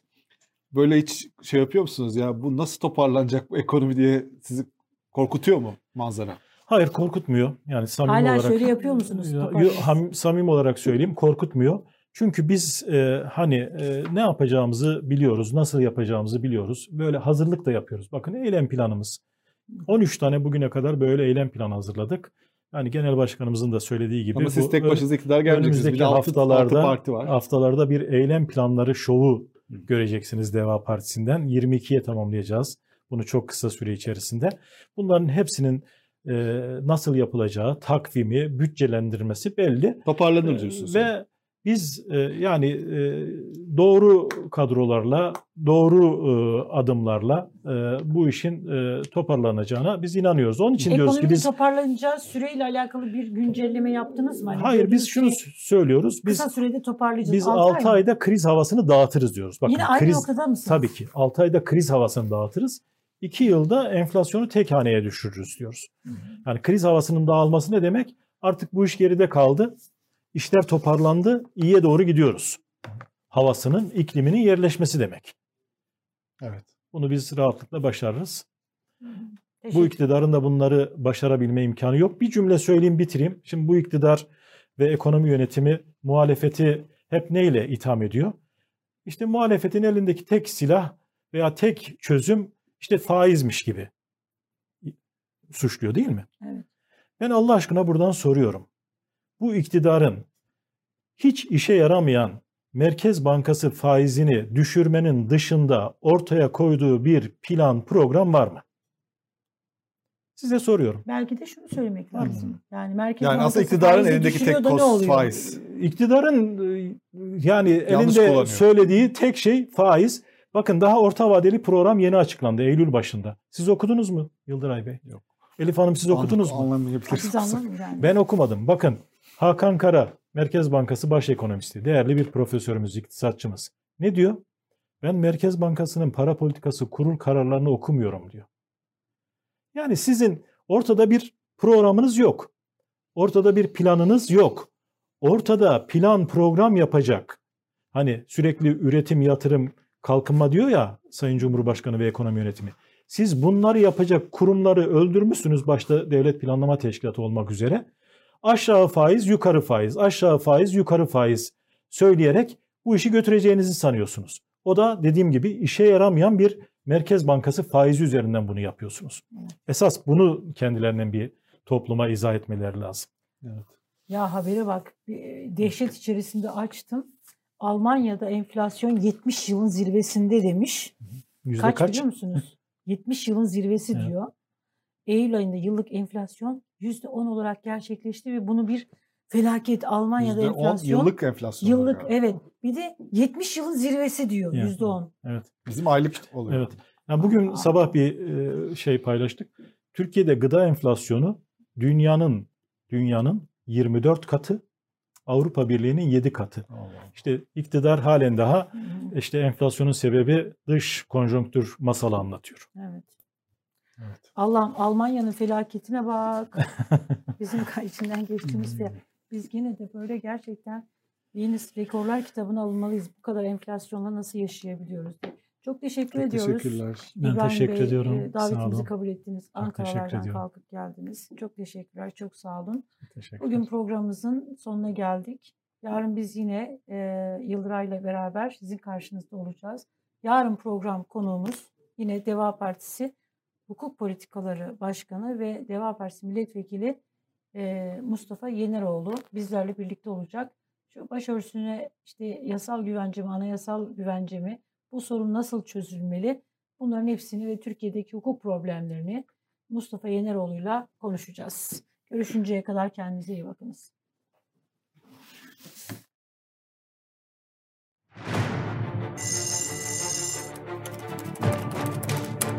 Şimdi hoşuma gitti. O Yıldıray Ordu diyebilirim. Okumadan olur mu ya? Başımıza düşer. Yok sen oku ben şey oldu. Krize Bilgisayarım bozuldu. Çok üzüldüm. Bilgisayarım bozulmuş. Depresyondayım. Ve-